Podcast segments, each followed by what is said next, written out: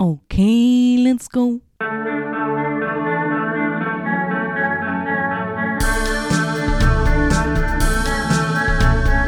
Nicolas Cage podcast. Nicolas Cage podcast. Na na na na.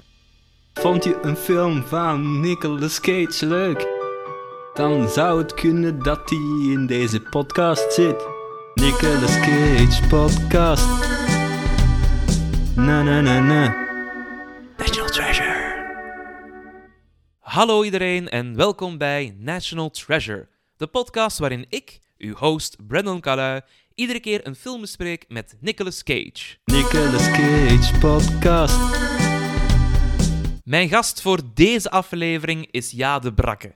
Ze werkt voor de FOD Gezondheidszorg, heeft een hart voor Flikken Maastricht en was mijn regisseur voor de voorstelling The Big Four. Ik ben zeer blij deze positieve spring in het veld te mogen verwelkomen. Jade. Na na na na. National Treasure. Kijk, wat ik niet ben, is wat dat Nicolas Cage in deze film wel is, een bad lieutenant. Ja, dat is waar. Is dat niet de mooiste overgang dat je ooit hebt gehoord? Voilà. Nee, eh, let's get down to business. Ja. Let's get down to the movie. En mijn eerste vraag aan u, Jade, is... Zeg jij een film van? Eh, ja. Ja. Ja. ja. ik zit wel eh alle één of twee keer per maand in de cinema, dus ik ga wel allee, regelmatig naar daar. Ehm, ja, thuis heb ik ook een kast vol met dvd's. Ehm, allee, ik heb zowel een aantal voorkeuren, zo vooral Vlaamse films. Allee, Die wil ik wel allemaal gezien hebben. Ehm, maar nu ben ik bijvoorbeeld, allee, dat is eigenlijk een zomerprojectje dat ik moet doen voor mijn les schrijven, naar meer arthouse films aan het kijken. Ehm, dit is eigenlijk ook bijvoorbeeld een film waar dat ik vanuit mijn eigen niet naar zou grijpen. Ja. Maar ik dacht, ik ga wat trailers bekijken en ik dacht, het is dus totaal iets anders waar ik anders nooit naar kijk.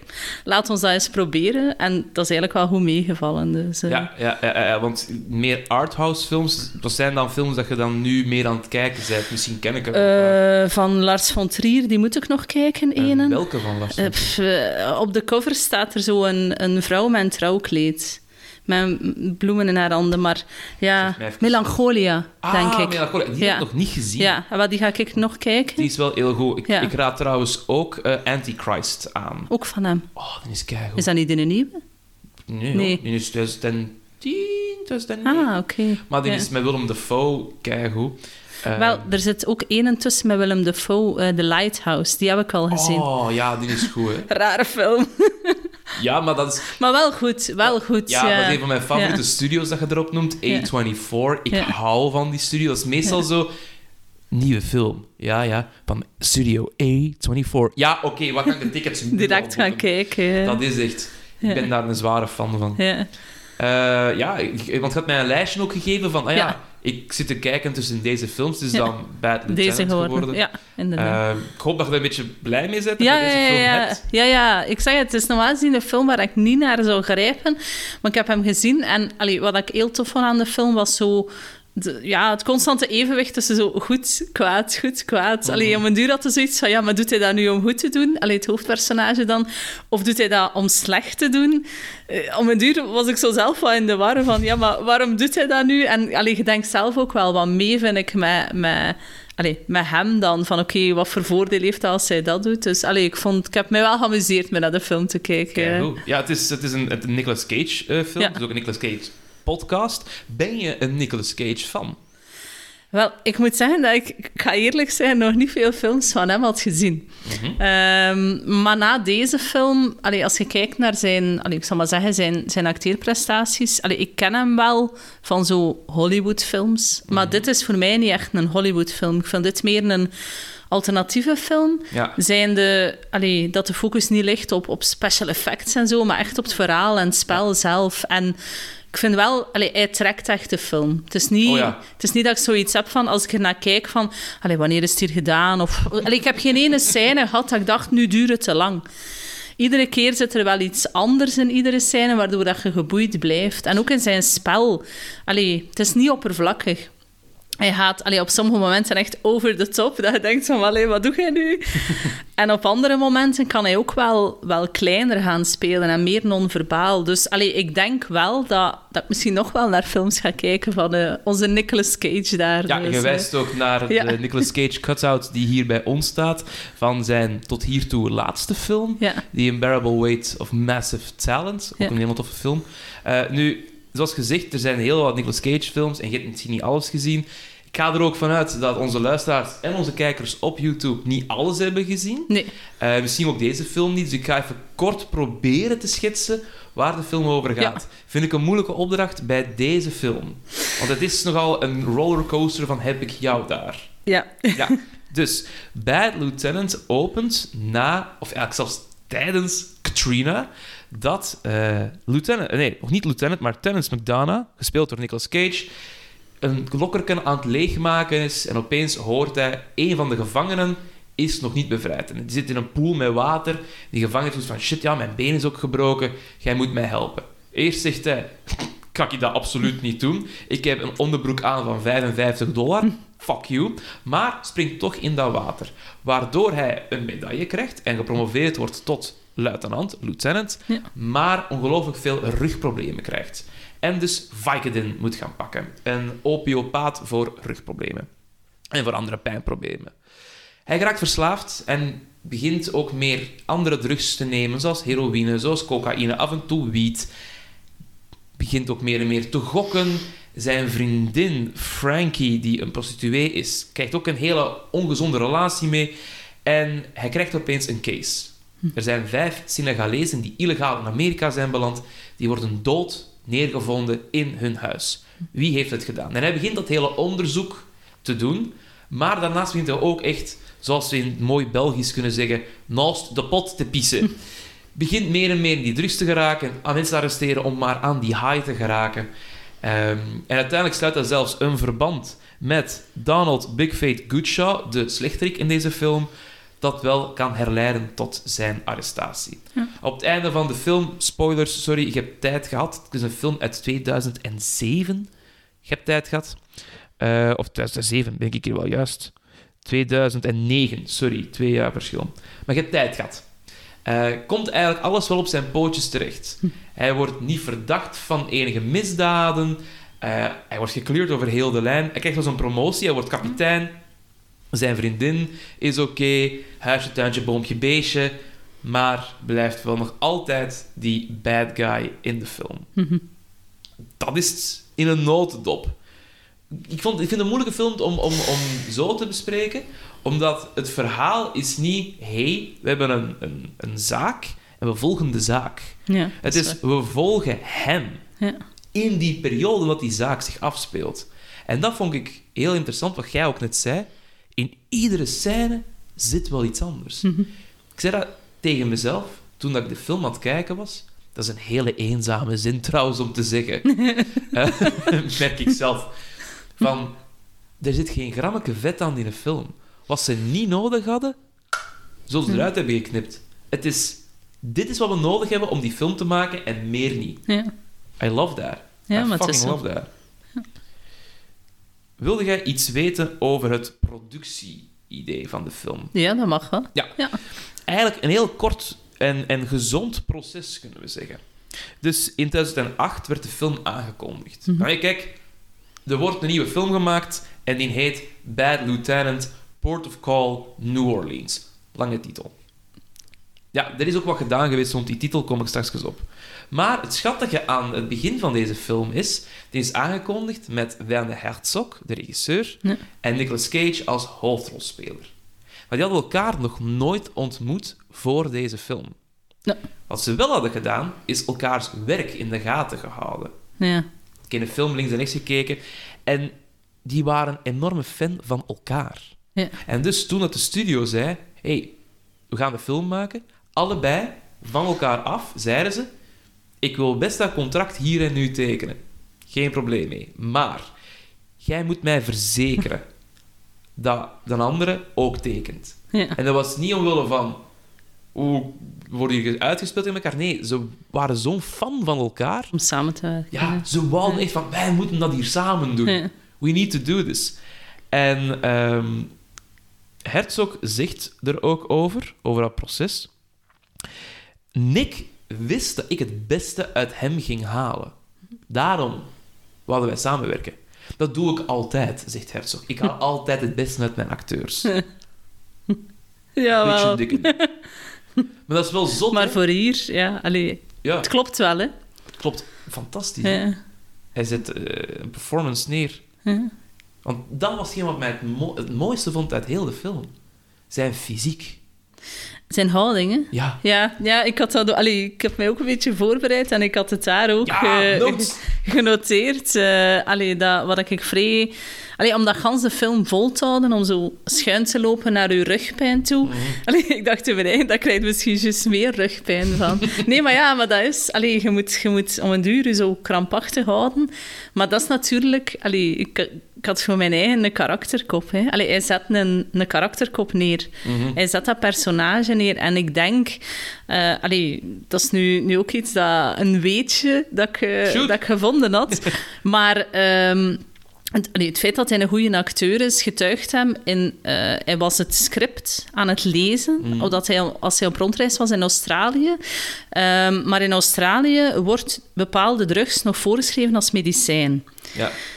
Hij heeft daar naar de dokter moeten gaan, heeft dat als medicijn gekregen en hij heeft eigenlijk voor zichzelf als voorbereiding daarop echt alles beginnen noteren van oké, welke bijwerkingen heb ik, eh, smakken, droge mond, om eigenlijk hem al een stuk te kunnen gaan inleven in die rol. Dus allee, ik vind als een acteur dat doet, dan is het een karakterkop. Allee, dan is het een ras echt een. Ja, dan ja, is het ja. niet een die, ja, ik ga hier bij wijze van spreken eh, een, een, allee, een drugsverslaafde spelen. Nee, allee, hij heeft hem er echt wel in, in vastgebeten. Mhm. Ehm, en ik denk dat ik daarom ook wel begrijp waarom dat die regisseur met hem wil, allee, wil werken. Als je weet dat iemand is die, die ervoor gaat en die het idee dat jij hebt wil omzetten naar een goede film, ja, dan, dan zijn de vertrokken. Hè. Allee. Ja, Ja. exact, inderdaad. Ja. Ja, hij, is, hij blijft de eeuwige student, noemt hij Ja. zichzelf. En dat is exact zoiets. Oké, we gaan een drugsverslaafde spelen. Wat zijn de effecten? Ja. Ja, begin het maar een keer te doen. ja, anders je het ook niet spelen. Allee, je kunt Nee. doen alsof, maar ja. Want bijvoorbeeld in Leaving Las Vegas, een film dat hij eerder heeft opgenomen, dan eh, heeft hij dronken geacteerd. Als in letterlijk, oké, ik moet zat zijn in Ja, deze scène. Ik ga mij bezatten, roll the camera en we gaan dat doen. Ik heb dat zelf ooit ook een keer gedaan tijdens de repetitie. We hadden een voorstelling op de opleiding die ik heb Ja, En ja, is ook een keer eh, iets nuttiger. is testen. Is Ja. testen. En dat werkte niet, hè. Wij, maar vooral ik ook, ik ben dan zo... Ik ga dan heel lomp zijn en, en grapjes maken Ja. die totaal niet met scenario te maken hebben. Dus die regisseur zei ook van, ja, laat maar zitten. Misschien dat dat in die film wel mocht, of moest hij juist niet veel zeggen? Ik weet het niet. Ja. Eh, in deze film heeft Nick niets gepakt. Nee, deze niet, maar dan de Ah, toen, andere. ja, dan moest hij wel eh, wat ja. dingen zeggen en doen, inderdaad.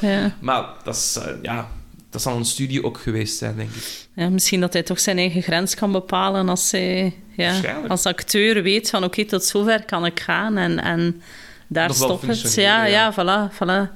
Je moet professioneel blijven. Hè. Je moet, je moet professioneel blijven. Dat is Nicolas Cage wel to the fault. Die is zeer professioneel. Hij is echt ondergeschikt aan de craft van Ja. acteren. Als in van, er is zoveel te leren, zoveel te ontdekken. Ja, Ik ben maar dit.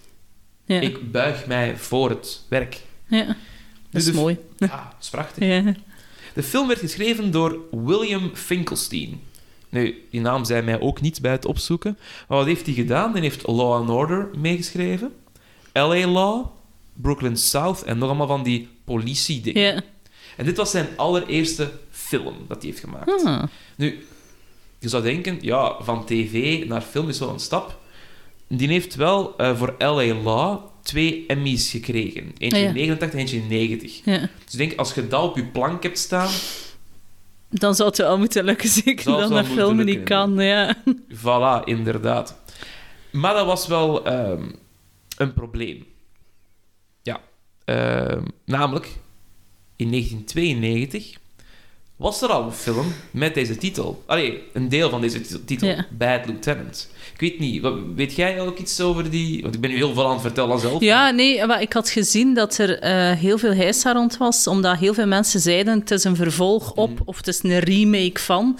Terwijl dat de regisseur zoiets had van nee, nee, dit is een totaal nieuwe film.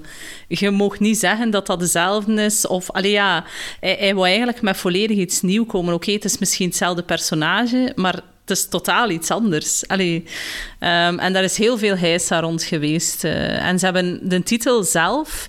Ik denk dat dat de reden was, daar ben ik niet meer 100% zeker van. Ik denk dat dat de reden was waarom dat Bad Lieutenant, eh, Port of Call, New Orleans, denk ik dat is, Ja. dat dat laatste er is bijgekomen. Om ook gewoon te zorgen dat een andere titel was, dat niet dezelfde titel was. eh.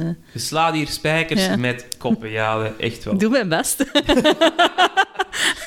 Je hebt het goed opgezocht. Nee, het is inderdaad zo. Dus ehm, Abel Ferrara heeft in 1992 de film Bad Lieutenant gemaakt met in de hoofdrol Harvey Keitel.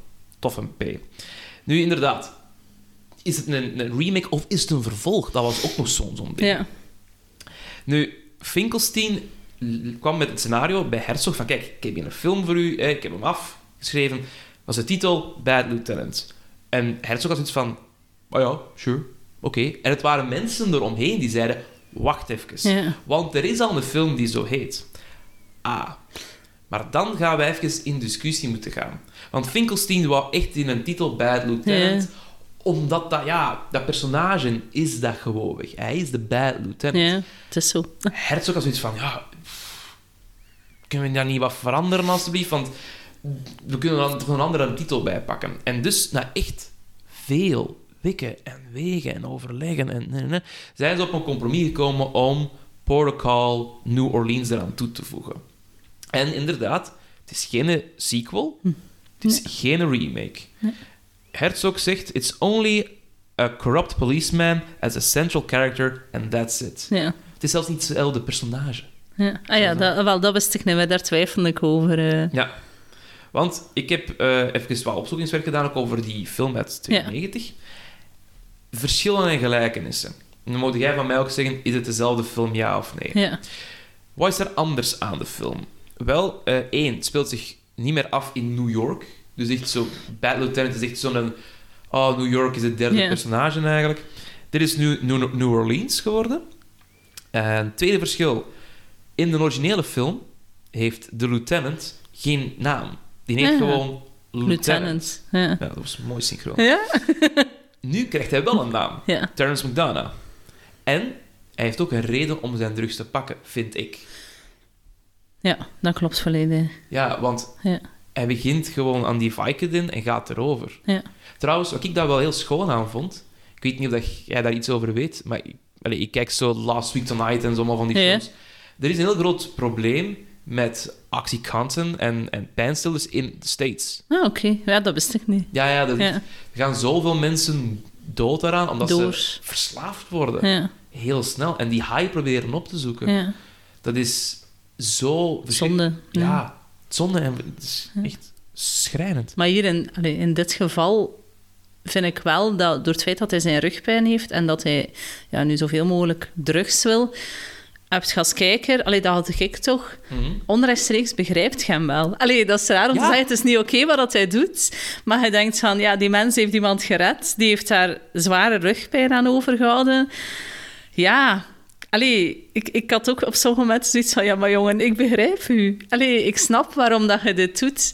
Het, het is niet oké, maar, maar als je zo alleen met rugpijn moet leven, plus, en dat vind ik het ergste van al, door iets goed te doen, Mhm. Houdt hij er eigenlijk iets slecht aan over en wordt hij ook slecht. Dus het is zo, ja, dat evenwicht tussen goed en slecht, dat echt een, allee, de rode draad is voor mij in die film. eh. Je noemt daar Ja. iets fantastisch goed op, inderdaad. Want dat is het voor mij ook. Iedere keer Ja. als hij iets goed wilt doen, gaat het fucking mis. Ja, ja, ah, hè, die ouders met hun hond. ja, Hij pakt die hond dan over. Ja, shit.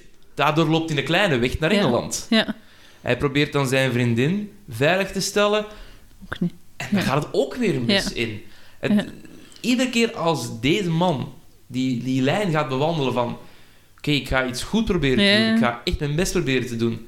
dan gaat het mis. Ja. Zelfs op het einde, als ze die, de slechterik in de boeien willen steken, heeft hij nog ruzie met zijn partner. Ja. Je gaat van, oké, dus dat is zijn partner ook al kwijt. Ja. Want hij- hij- dus de partner in, het in de film gespeeld door de enige echte Val Kilmer.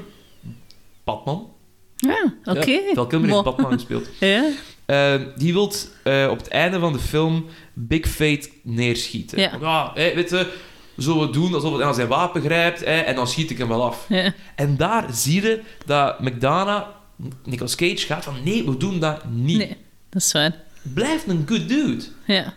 Die wel tieners lastig valt. Die wel zijn vriendinnen uithoert. Ja. Die wel illegaal aan het gokken is à volonté. Aan het liegen en aan het bedriegen is.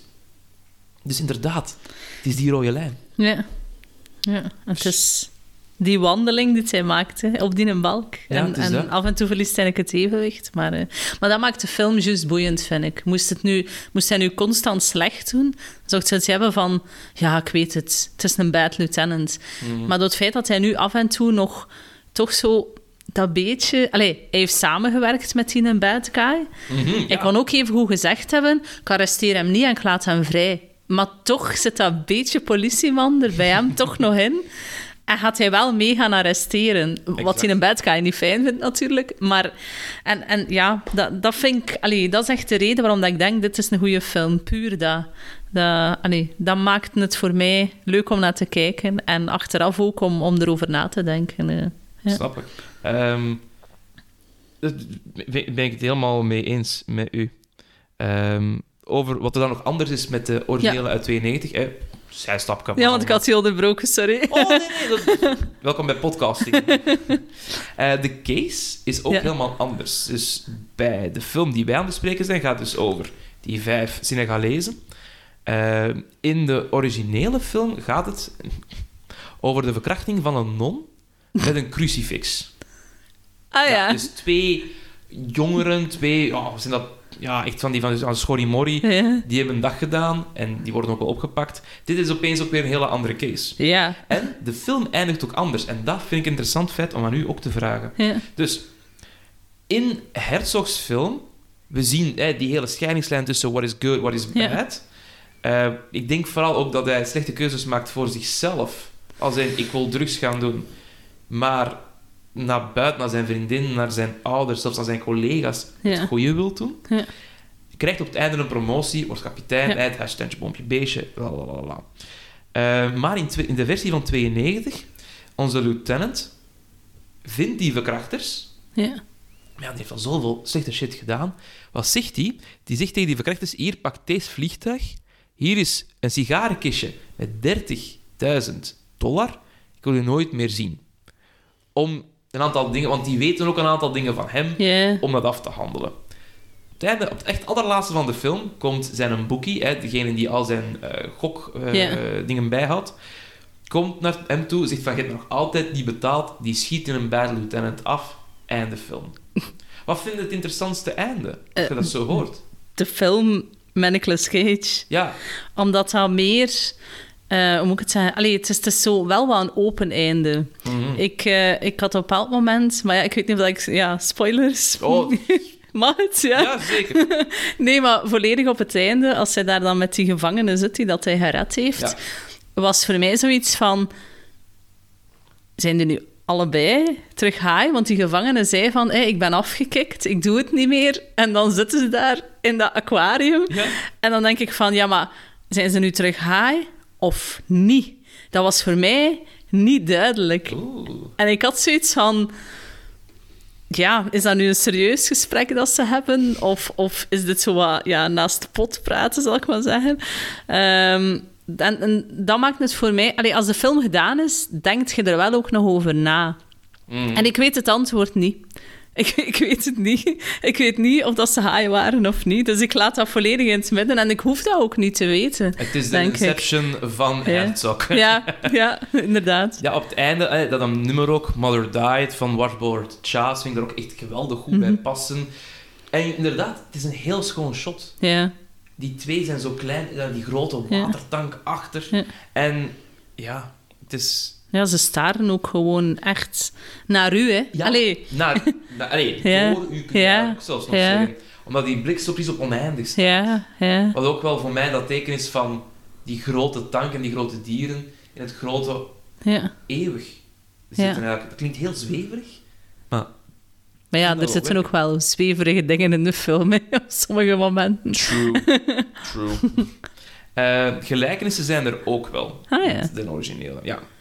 Dus alle acties dat deze Bad Lieutenant doet met degene uit 92 zijn bijna dezelfde. Ja, Bijvoorbeeld, je hebt daar die scène dat hij eh, tieners lastig valt. ja, Ehm, in de origineel zit dat ook. Ja. In de onze versie is het van, ah ja, ik heb gezien dat jij een description past hierbij, gelijkt op iemand die waarschijnlijk drugs heeft gepast. In de originele van 92, of sorry, in Bad Lieutenant van Ja. 92 moet ik zeggen, eh, houdt hij ze aan. Zijn truc is omdat ze geen nummerplaat hebben. Nu, dat is gewoon een excuus ook. ja. Ehm, en ja, dan wordt er ook weer een seksuele handeling gedwongen. Dus dat is eigenlijk wel hetzelfde. ja. Drinken, drugs, gokken, prostituee. Allee, dat zit er ook allemaal Alles. in. eh, Ja. Ehm, ook tijdens de twee films, het gokken wordt steeds erger en erger en erger. ja. Bijvoorbeeld in onze film gaat hij naar zijn boekie en die boekie zegt van kijk, je hebt hier zoveel schulden, ik ga je tegenhouden. En hij dwingt ja. eigenlijk Ja. om, om meer in te zetten. ja. Gebeurt ook in de versie van 92. En, dat vond ik een heel grappig feitje, allebei de films, zowel in 92 als in 2009, zijn gereleased op 20 november. Ah. Ja, dus dat Bewust misschien. Wie, wie weet. Nee? Ja, de producer is ook dezelfde. Ja, dus de, de, de grote producer van deze film is Edward R. Pressman. Dus die heeft allebei die films ook Ja. gedaan. Ja, dan snap ik wel het gezicht. Mm, zelfde producer, zelfde titel. Ook wel wat dezelfde dingen die erin zitten eigenlijk. Allee, qua, qua personage, als ik het nu zo hoor. Mhm, mhm. Ja, Ja, het is dubbel. het is heel dubbel inderdaad. Maar ik wat ik dan niet snap is, allee, als de scenario-schrijver ja, zich gebaseerd heeft of op de ander scenario, heeft hij daar dan nooit iets van gezegd of zo? Nee, die zal gedacht hebben, dit is mijn scenario, dit is iets nieuws. En voilà, dit is geen remake of dit is geen... eh, ja. Ja, ja wel, ehm, wat de schrijver ons vertelt in een interview, is dat hij zegt, ik weet van de film zijn bestaan. Ja. En daar stopt het. Hm. Meer niet. Ja. Herzog wist niets. ja, dat is maar best. Die kende Ja. zelfs ook eh, Abel Ferrara niet. Ja. Het is van, ja, wie, wie is er boos op mij? Ik ken, ik ken, ken die mens niet. Het is echt verschrikkelijk. Ehm, want Abel Ferrara heeft ook reacties geuit op deze film, ja. de regisseur. Eh, toen dat die werd aangekondigd, zei hij, en ik citeer even... As far as remakes go, I wish these people die in hell. I hope they are all in the same streetcar and it blows up. dus die was zeer boos. Amai. Ja, Herzog nog altijd, ja, I've never seen a film by Nee. him. I have no idea who this man is. En nadat hij werd gedebuteerd op het filmfestival in Venetië, weer microfoon bij Herzog van, ja, hé, hey, Ferrara heeft dat gezegd, jij hebt dat gezegd, nu is hij uit, wat denkt je? En Herzog zegt eigenlijk van, oké, ehm, weet je, als Abel Ferrara dit ziet, dan hoop ik dat ehm, hij naar mij toe kan komen en dat we wel onder het genot van een goede fles whisky daar samen eens over kunnen babbelen. Wat mijn proces was, wat zijn proces Ja. was, eh, hoe we naar de films kijken, dat we het kunnen bijleggen. Ja. En dat is ook gebeurd. Ah. Ja. Oef. In een interview met Ferrara in 2018 voor een filmfestival heeft hij daar een vraag over gekregen en gezegd: Kijk, Ja. wij hebben die talk effectief gehad. Strijdbijl is, is oké. begraven. Ja. Dus het is allemaal zeer oké. Maar ja, er zijn wel inderdaad van die linken. Ja. Ik zeg ook, wat Herzog ook zegt, dat is zijn grootste probleem met deze film. Namelijk de ruzie over de titel. Want die heeft op elk moment geprobeerd om die titel nog te veranderen. Maar dat, dat Ja. lukt op een gegeven moment niet meer. ja. Studio zegt, ja, weet je, de, Het titel, moet het. de titel is gegeven, we gaan door. Ja. Zegt, eh, Herzog zegt vooral, dat is eigenlijk het ongeluk van deze film. Ja. Diezelfde titel eigenlijk. Ja, ik, ik weet dat, ehm, dat ook eventjes, want oorspronkelijk was het ook de bedoeling om het in New York te laten afspelen. Exact. Maar ze hebben dat dan veranderd en dat vond ik wel allee, leuk om te weten. Ik heb dat pas ontdekt na de film. Had ik dat ervoor geweten, dan had ik misschien nog anders naar die film gekeken. Maar ze hebben uiteindelijk gekozen voor New Orleans in het kader van de orkaan die daar eh, gepasseerd is. En allee, wat ik wel tof vond, was dat ze eigenlijk een beetje de link wilden leggen tussen oké, die orkaan heeft wel New Orleans verwoest, maar New Orleans blijft wel bestaan. Ja. En bij het hoofdpersonage is het eigenlijk een beetje ja, krak hetzelfde. Die is ook verwoest door de drugs, maar hij blijft wel bestaan en hij blijft wel doorgaan. En dat vergelijk vond ik wel allee, mooi eigenlijk. En, en denk, Ja. moest ik nu nog eens naar de film kijken, dat ik daar heel anders eh, naar zou kijken. Dat snap ik helemaal. Ja. Vind ik ook weer een interessante link om te leggen. Ja. Namelijk, de orkaan is geweest. Ja, En door die orkaan is ook ons hoofdpersonage gebroken en kapot. ja, Ja, dan staat je open voor allerlei invloeden. ja. Waardoor het heel goed kan gaan, maar ook verschrikkelijk mis kan lopen. Heel mooi. Heel mooi. Ja, ja allee, ik vond het wel leuk als ik, als ik het zag. Dat ik dacht van, wauw. Allee, maar je kijkt naar die titel en je denkt, oké, het speelt zich af in New Orleans. En ik had er zelf ook niet verder achter gezocht. Mhm. Maar als je dan weet, oké, dat is een bewuste keuze geweest om het niet in New York te doen, maar in New Orleans, dan denk ik, er is nagedacht over die film. Exact. Het is niet zomaar whoop, wat op papier gezet en we maken iets. Nee, er is echt wel over... Ja, alleen misschien over nog bepaalde zaken, maar de titel is, is voor mij al, al iets dat ik denk van... Oké, allee, als je zo ver gaat in je, in je denkproces, dan... Mhm. allee, ja, Ja, ik vind het ook wel tof dan, want ik ben zelf een... Allee, ik maak amateurfilmpjes Ja. en zo. En ik vind het altijd tof voor praktische elementen. Hoe praktischer een film wordt, hoe leuker ik het vind. Want je ziet het dan tot leven komen, Ja. echt. Ik ben geen fan van CGI of greenscreens. ja. Sorry. ja dat begrijp ik. Hier ook. ehm, het is gefilmd in Mississippi, in Louisiana. Ja. Ook een deel in studio. Maar vooral ook weer sfeer. Het moet vandaar zijn. Ja. Dus we moeten naar die plek gaan. Ja. Dat grimmige zo, hè. Allee, dat donkere, grauwe grimmige zit er zo wel in in de film, vind ik. heel, heel dat palet, Ja. dat kleurenpalet van die film is heel blauw, grijs Ja. tint er inderdaad. Omdat ja, it's all destroyed eigenlijk. Ja. Maar we moeten door. Ja, ja, zelfs in de... Allee, ik had gelet in de, in de kostuums. Het zijn echt zo neutrale kostuums. Allee, je zou Mm. kunnen zeggen van, er zitten daar... Of, of het hoofdpersonage zelf gaan we toch misschien er een beetje laten uitspringen. Nee. Maar dat is niet zo, hè. Het zijn allemaal grijze, zwarte... Veel te grote kostuums. nee, maar dat is... Allee.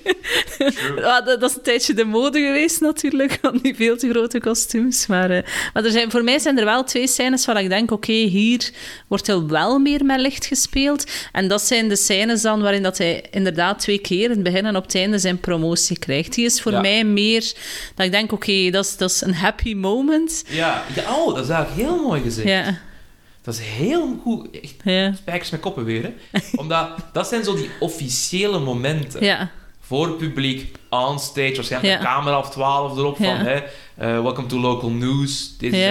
En dat is heel schoon. En daar ziet het niet aan dat hij problemen heeft. En dat hij, allee, hij zit ook heel... eh, bij die laatste scène, dat vond ik ook wel... allee, een, een mooi moment. De allerlaatste keer dat hij bevorderd wordt, zit hij met zijn ouders en zijn, eh, zijn vriendin dan aan tafel. En zijn ouders hebben een drankprobleem. En dan gaan ze allemaal samen water drinken. Ja. En dan denk ik van, maar zo mooi. Allee, Ja, er zitten zo... Clean? Ja, maar er zitten toch zo... eh, En hier niet. Maar allee, en dat, ja, dat, dat blijf ik leuk vinden aan, die, aan de film. Dat er zoveel, zo, ja, zoveel afwisselingen zitten. Er zijn echt momenten dat, dat ik ja, luid op heb zitten lachen. Er zijn momenten dat ik zo even moest slikken. Er zijn ook momenten dat ik misschien even gechoqueerd was. Allee, ik heb zoveel emoties ervaren in die film. En allee, voor mij, als ik dat heb, dat is teken dat ik erin zit. En dan is het een goede film. Ja, ja, daar ben ik het met u Ja, compleet mee eens. ja, Ik heb ook meestal zoiets van, als, ik, het- als het mij begint te irriteren of te vervelen, ga kijken naar een klok. Hoe lang het duurt? Niet gaat. Niet gaat. Ik zat vooral met open mond te kijken. Van, ja, God. De, de, de prestatie. ja, Daarover gesproken trouwens. Want, ehm, draaidag 2 ja. vraagt Nicolas Cage aan Werner Herzog waarom is hij bad? Wat is de motivatie? Is het omdat ja, zijn ouders zo slecht zijn? Is het eh, omdat zijn de relatie met zijn vriendin niet goed is? Is het omwille van de rugpijn compleet? Is het omdat de politie zo corrupt is dat ik mij daardoor ga, ga Ja. irriteren? En Werner Herzog haalt dat soort vragen. Die heeft net zoiets van, ja, maar dat is uw job, Ja. niet de mijne. Ik moet zorgen dat de film er goed uitziet, jij moet het spelen. Ja. Maar, nogmaals, die liefde, die, dat vertrouwen zat daar zo in. Herzog heeft dat beantwoord met ene zin. Ja. Consider the bliss of evil. Het gelukzalige en het fijne aan slechtheid, aan gruwel. Daar ging hij mee aan de slag. Ja.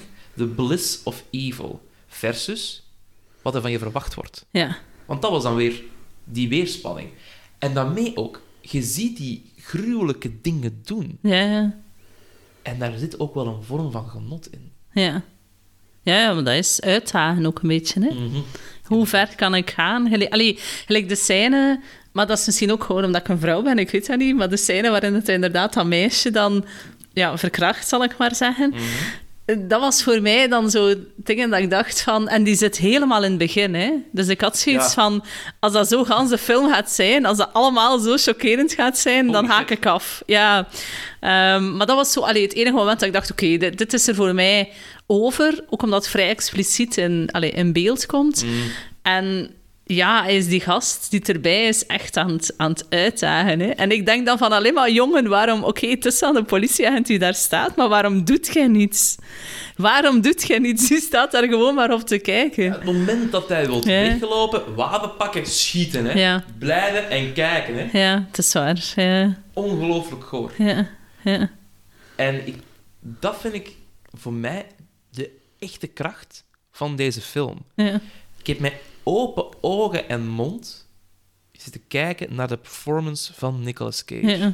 Zijn fysiek.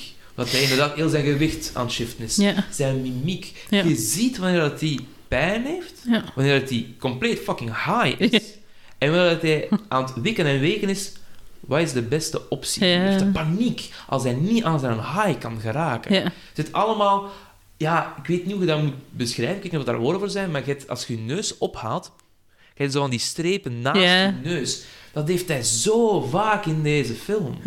Je ziet de wanhoop en de disgust op zijn gezicht in het zweet afdruipen. ja. Je hoort op een gegeven moment zijn stem ook gewoon overslaan van de pijn en van... Fuck, ik zit hier vast. ja. Het is... vind ik geweldig. Ja. En bijvoorbeeld het moment ehm, dat hij bij die, dat oud vrouwtje zit en bij de Ja. oma, die hij, ja, waar, waar is Daryl? Hij, Ja. moet getuigen. Snapt hij. Die, die gaat total fucking los. En daarin zie je voor mij eigenlijk de kern van het personage. Je ziet, één, ik moet die zaak hier afhandelen, ik Hm. wil iets goed doen. Maar jij laat het mij niet toe Ja. om mijn werk te doen. Terwijl ik zoveel pijn heb, fysiek, doordat ik iemand geholpen heb. Ik zit klem in dit onderzoek. De getuige, de kroongetuige is weg. En jij gaat mij niet helpen? Fuck you. Ja. Nu ga ik even die bliss of evil toepassen. Ik ga ervan genieten. Ja. Even van genieten om buiten die lijnen te kleuren en u echt even mm, Ja. kapot te willen maken. Ja. Want dat is wel weer een scène dat ik denk, je zou die ook kunnen interpreteren als dat is erover. Maar dan had ik... Ja, op die moment begreep ik hem. Allee, dat is raar om te zeggen, maar... Nee, nee, nee. nee. Ja, ik had zoiets van... Allee, hij, hij doet zoveel moeite in die scène om kalm te blijven, om rustig te blijven. Hij is zijn eigen echt aan het... Je ziet dat Ja. hij moeite heeft om, allee, om er niet op te vliegen. En als je dan inderdaad twee mensen voor u krijgt die zeggen... Ja, maar wat gaat u toch niet zeggen, ze? Ja, dat er dan iets knakt van binnen. Het zal nog niet zijn. Allee, Ja, hij zegt het ook van, hè, ik heb anderhalf uur slaap verspreid over drie dagen. Ja. Ik denk, dat zal sowieso Ja. al waar zijn. Dat geloof ik Ja. al direct. Het is zo'n rauw ding. En ligt dat dan naast zo'n scène dat hij over die hond bezig is? Of dat hij met zijn vriendin heel de tijd bezig is? Daar zie je ook wel dat hij liefhebbend kan zijn. Ik bedoel, dat hele verhaal van die lepel. Ja, ja dat is juist. Ja, dat hij dan zegt van, ja, kijk, Ja. Dat, die, dat, dat, dat zijn vriendin zegt van, ik voel mij niet veilig, ik voel mij niet goed. Ja. En hij zegt van, kijk, deze plaats, de schuur, is waar ik heel veel avonturen heb beleefd. Piraten kwamen vanuit de Mississippi naar ons toe. En ik dacht, er is hier schat. En mijn moeder heeft mij dan zo'n eh, metal detector gekocht en heb ik een lepel gevonden. Ja, dat is waar. zo'n schattig verhaal. En het overtuigt haar ook om te blijven. Ja. En dat is in mijn ogen niet omdat hij zijn eigen hachje wil redden, maar ik geef echt om u. Ja. Hier is iets wat persoonlijks van mij. ja. Hij heeft op bepaald moment ook de lepel aan haar. Hè. Schattig. Ja. Ik vind dat een heel Ja. snel moment. Het feit ook dat zij dan zwanger wordt en een kind ervan krijgt, snap ik perfect. Ja. Snap ik helemaal. ja, hij Helemaal kan lief zijn. Ja. Trouwens, wat ik heel grappig vond, ehm, was... Deze dat komt uit 2009. Ja. Twee jaar eerder was er ook een film met Nicolas Cage. Ja. Elke keer iedereen wil een film met Nicolas Cage. Ehm, maar twee jaar geleden was er Ghost Rider. Ja. Een Marvel-film waarin dat hij de Ghost Rider speelt, Johnny Blaze. Ja. En er is een link. Namelijk de liefdesaffaire.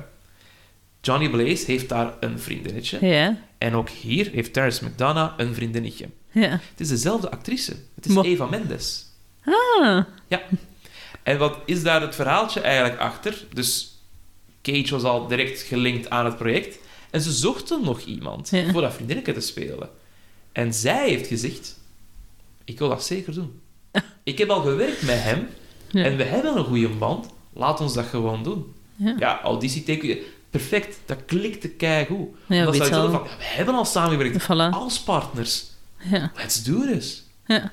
Dan denk ik van... Wat leuk. Tof. Ja. Ja, je kunt ook zo die horrorverhaal krijgen van ja, met een dienen doe ik het echt nooit meer. Nee. Die hier niet.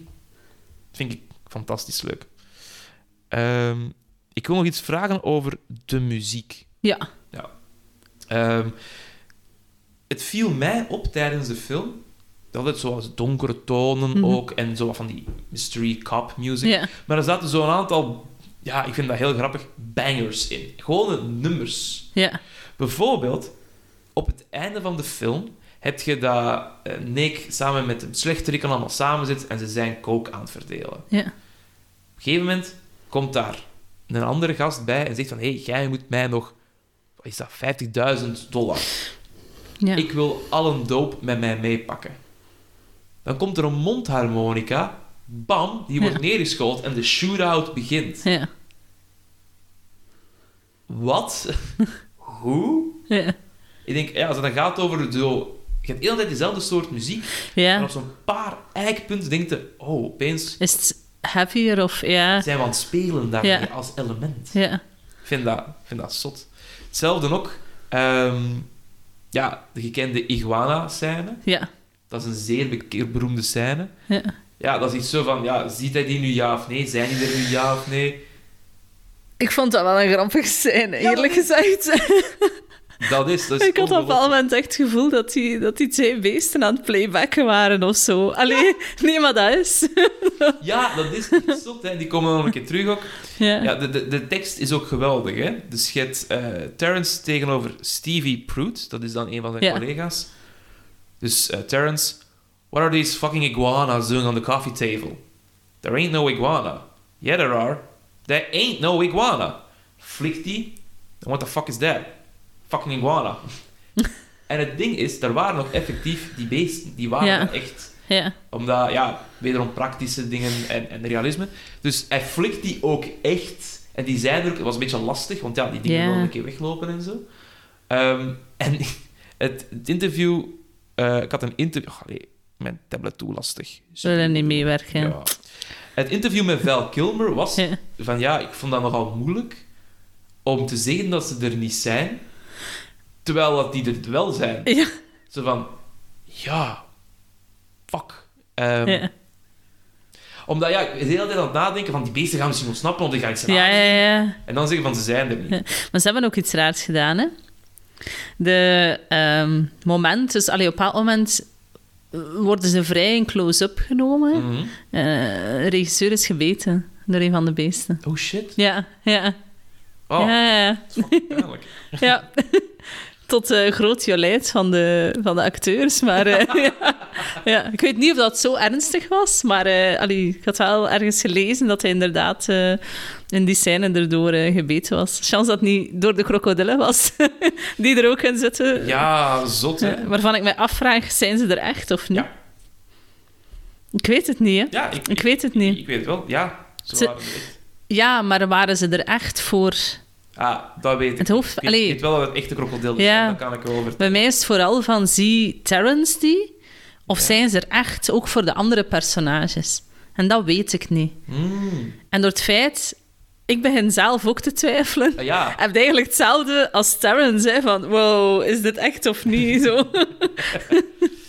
je moet niet pakken om dat te denken. Ja. Nee, maar ja... Hey. Nee, nee, maar ik, ik heb dat nog niet gedaan, hè. Even voor alle duidelijkheid, maar... eh, Ik had ook niet aan het vissen achter die bekend. nee, nee. Nu, over die muziek nog gesproken. Op een gegeven moment, dat was die- dat, dat harmonica-nummer, eh, Ja. Old Lost John. En eh, dat is de scène, die noemen ze de Dancing Soul scene. Ja. Want op een gegeven moment zegt hij, shoot him again. Why? His soul, is dancing. still dancing. Ja. En dat is eigenlijk een hommage. Ah, Ja. Eh, Herzog had eerder de film gemaakt Strozek uit 77. En daar zit een scène in dat er een kip aan het dansen is op hetzelfde nummer. Old Last John. Dus eigenlijk een soort hommage, knipoog, verwijzing naar... We doen dat nog een keer terug. Alleen deze keer is het geen kip, maar is het de ziel eigenlijk nog van eh, een van de bad guys. ja.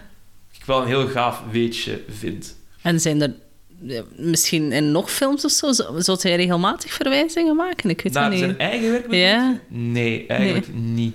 Nee, maar het zo regisseurs, hè, die zo altijd wel wat dezelfde dingen laten terugkomen, maar hij, allee, hij maakt dan iedere keer er totaal wat- iets nieuws van. eh, Wat je wel kunt zeggen is, hij heeft een keer een Hitchcockske gedaan in Ja. deze film. Eh, voor mensen die die term niet kennen, een Hitchcockske doen is... eh, Alfred Hitchcock was erom bekend dat hij een cameo maakte altijd in zijn eigen films. Dus als een keer een man moest voorbijlopen in de Ja. achtergrond, dan was dat zeker en vast Alfred Hitchcock. Ja. En Werner Herzog heeft dat ook gedaan. Ah, Op een gegeven moment zijn eh, ons koppel samen ja. en die zijn aan het kussen en aan het strelen en de telefoon gaat open. ja. Do you need to get that? No. Je moet ook niet meer terugbellen. En de stem die je hoort, is die van Werner Herzog zelf. Zalig. Ja. Ja. Hij doet zijn best om in, allee, zich te verbergen dat hij Werner Herzog is. Want hij heeft Ja. een hele specifieke stem. Ja. Daarmee ook, ik weet niet of dat jij The Mandalorian hebt gezien op Disney+. Plus. Nee. De naam je- zegt mij iets, maar... Wel, Nee. je hoeft dat niet te zien. Je mocht dat zeker zien. Ik vond Ja. dat keigoed. Vooral ook omdat in de eerste paar afleveringen Werner Herzog de slechterik speelt. Ja. Ja. en die zijn typische stem, die wat Duits Ja. klinkt met die Engelse accent. Sorry, ik kan dat kei slecht doen. Maar Dat is oké. op zo'n mooi timbre. ja. Dat is de max. Ja. Echt de fucking max. Hij acteert dan ook. Hij acteert ook, ja. Hmm. Heel weinig, Ja. maar af en toe. Eh. Nu, wat ik altijd grappig vind, is hoe heeft de film het eigenlijk gedaan? Qua scores, Ja. qua geld en zo. Nu, die scores maken voor mij niet heel veel uit. Ik weet niet, maakt dat voor u uit, een filmscore? Nee, wel, ik heb zoiets, ik heb mijn eigen mening. Mhm. En ik vind een filmscore... Ja, als je echt twijfelt om aan een film te kijken, kun je dat wel eens gaan checken. Maar als je dan de commentaren daaronder leest, dan zijn die zo verdeeld. Allee, ik, ik heb nog niet vaak een film gehad waarvan dat ik dacht van... Oké, ze noemen hem super slecht. Allee, films waar dat ik dan naar wil kijken. Dus hij is ook... Allee, iedereen geeft hem ook een slechte score. Nee, het, is soms zo wisselend. Je hebt echt films waarvan dat je weet... Slecht, slecht, slecht, slecht, slecht. Oké, of goed, goed, goed, goed, goed. Maar deze film is zo wat... Allee, voor mij is hij goed, maar het is zo wel wat wisselend als je zo de kritiek bekijkt. Ja? Er zijn mensen die er heel, heel, heel erg fan van zijn en die zeggen het is echt een meesterwerk. En anderen die zeggen van het is echt een simpele film. Het is gewoon een whodunit, punt. Maar dan denk ik, we hebben, we hebben het er daarnet over gehad. Ja. Het gaat niet over de whodunit, het gaat over dat personage. En dan denk ik van, heb je wel goed naar de film gekeken? Of snapte je de film wel? Ja, exact. Ja. Een whodunit. Ik bedoel, ik ben, ik ben een fan van Agatha Christie. Ja, Eh, dit is geen whodunit Nee, voor mij. nee, nee. Absoluut niet. nee, Het is voor, mij, voor mij is dit een, film, een karakterstudie. ja, Hoe zet je iemand neer die slecht lijkt? ja. Daarmee, ik vind scores altijd grappig. ik vind dat niet iets dat mij stuurt. ja. Daar, daar gaat mij niet om. Maar ik vind dat wel een indicatie voor de buitenwereld. En ook, ja, wat hebben ze dan over gezegd? Of waarom is het nou zo slecht? ja. Nu, de, deze film heeft, toen dat hij klaar was, een probleem gehad. Ja, het was heel moeilijk om de, een studio te vinden die die ging releasen. En je hebt een studio die de film maakt, Ja. maar wie brengt hem dan naar buiten? Ja. Dat was lastig. En ze hebben daar een studiootje voor gevonden, echt studiootje, klein dingetje.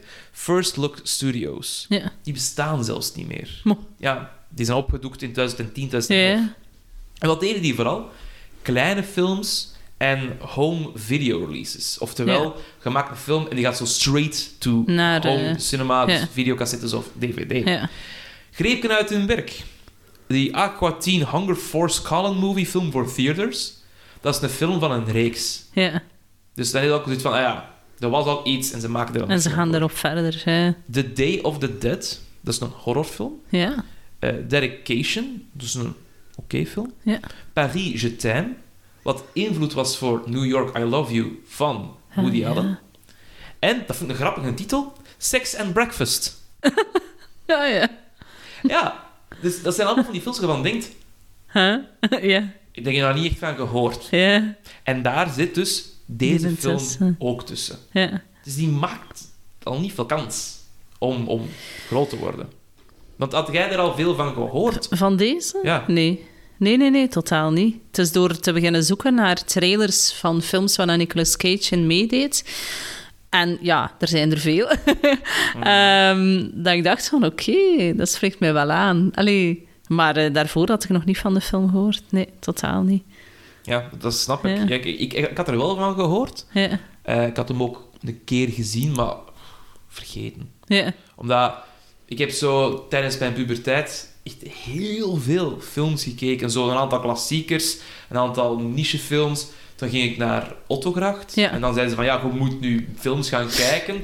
Dus ik heb zoveel. zoveel gezien. Het is, het is ongelooflijk. Deze film werd voor het eerst vertoond in 2009, dus Ja. op het Filmfestival van Venetië. Ja, En daarna is hij nog wat gaan reizen naar Toronto Filmfestival en naar het filmfestival van Telluride. Ik zeg het heel Frans, maar het is in Colorado, Nou. Amerika. Telluride of zoiets. En de film heeft, omdat dat dus een klein studio was, niet veel opgebracht. Ja, de opening weekend, dat is meestal zo, en zeker bij films zo, boomt, moet Ja. boomen. Heeft in totaal 245.000 dollar opgeleverd. Dat is niets. Dat is niets, hè. Dat is niets van de film. Nee. Hoe komt dat? Hij was eh, te zien in 27 cinemas over heel de States. Dat- zo weinig. Ja, Ja. ja dat, dat is een klein studio die gaan van, ja, wij Ja. maken straight-to-DVD shit. Ja. Fuck, Ja. wat moeten we nu doen? En dus daarmee ook, uiteindelijk is de film vertoond geraakt. In totaal. In 96 cinemas wereldwijd. Ah ja. Dat is heel weinig. Ja. Het heeft 10 miljoen opgeleverd, waarvan 8 miljoen uit de VS. Budget van de film 25 miljoen. Dus die heeft Niets. goed verlies geleden. Heel goed verlies geleden. Ja. Ja, Nee, als je het niet gewoon bent om dat te doen, weet je misschien niet. minder Ja. dan 100 cinemas. Weinig. Wij nemen dit op in Hartje Gent. Ja. En hier zijn er al drie. Ja. Je hebt een arthouse, je hebt een arthouse en blockbuster cinema, Ja. dus zo wat samen. Ja. En je hebt dan de big blockbuster one. Ja. Dus ja, dan, dan is dat, ik denk zelfs dan van die drie dat dan geen ene kunnen zijn. Want ja, kunnen we dat aankopen. Het is Ja. moeilijk. ja, maar het is zo. Dat is wel zonde voor, allee, voor de cast en de crew, want uiteindelijk zitten daar dan wel grote namen tussen die, ja, Ja. die eigenlijk een beetje... Ja. ja, je hebt een grote regisseur, je hebt Ja. twee grote acteurs. En Ja. zijn allemaal acteurs die ook echt... Goed, hè? Val Kilmer is ook fantastisch Ja, ja. goed, hè? En die heeft Batman gespeeld. En dan Ja. raakte niet over de 100 venues wereldwijd. De scores van deze film zijn zo mat. IMDb geeft het een 6,6. Ja. Rotten Tomato, de critici geven hem 77. Het publiek mag ook een cijfer geven. Ja. Denk je of het hoger of lager is? Ik denk lager. Inderdaad. Ja. We spelen graag hoger, lager hier. Eh, voor, voor de hippe jeugd, dat was vroeger een tv-programma op de BRT nog. Eh, 73 geeft het publiek. Ja. Movie Meter, dat is zowat de Nederlandse equivalent, geeft een 3 op 5. Hm. Maar mijn favoriete review site ooit, bol.com, Ja. geeft het een 5 op 5. Oké, er zijn maar drie mensen die een review hebben geschreven, maar geven hem een 5 op 5. Ja. En dat vond ik heel grappig. Ehm, dus een 92-film kunt je ook kopen. Ja. En die scoort, oké, na één review, 4 op 5. dus als we dan zeggen van, ja, welke van de twee met dezelfde naam is beter? The Bad Lieutenant Ja. Protocol New Orleans. ja. Als je moet kiezen op bol.com, neem deze. ja, maar ja.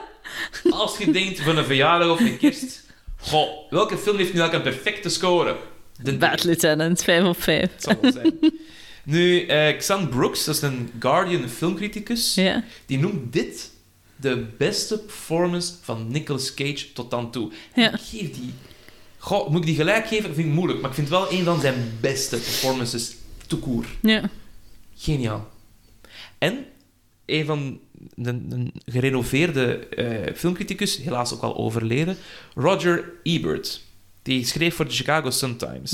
Maar die blogde daarnaast ook nog zijn eigen dingen. En nadat hij, dat hij op pensioen was, ging hij verder bloggen ook. En die zegt hier het volgende. Nicolas Cage is as good as anyone since Klaus Kinski at portraying a man whose head is exploding. It's a hypnotic performance. Nu, Klaus Kinski was de acteur waar Van Herzog altijd mee werkte. Ja. En nu opeens is dat dan Nicolas Cage. En je gaat die twee naast elkaar wel moeten Ja. en hij zegt eigenlijk van, ja, Kinski was geniaal. Cage is hier ook geniaal. En hij noemt het ook zijn top 10, ma- in, zit in zijn top 10 mainstream films van 2009 en beste film van decennium. Amai. Dat zit ook in dat Ja. lijstje. En hij is niet alleen. Want naast Egbert is het eh Idil Roosley, de Canadian Press, Kim Morgan, Stan Hall. Die zeggen allemaal van...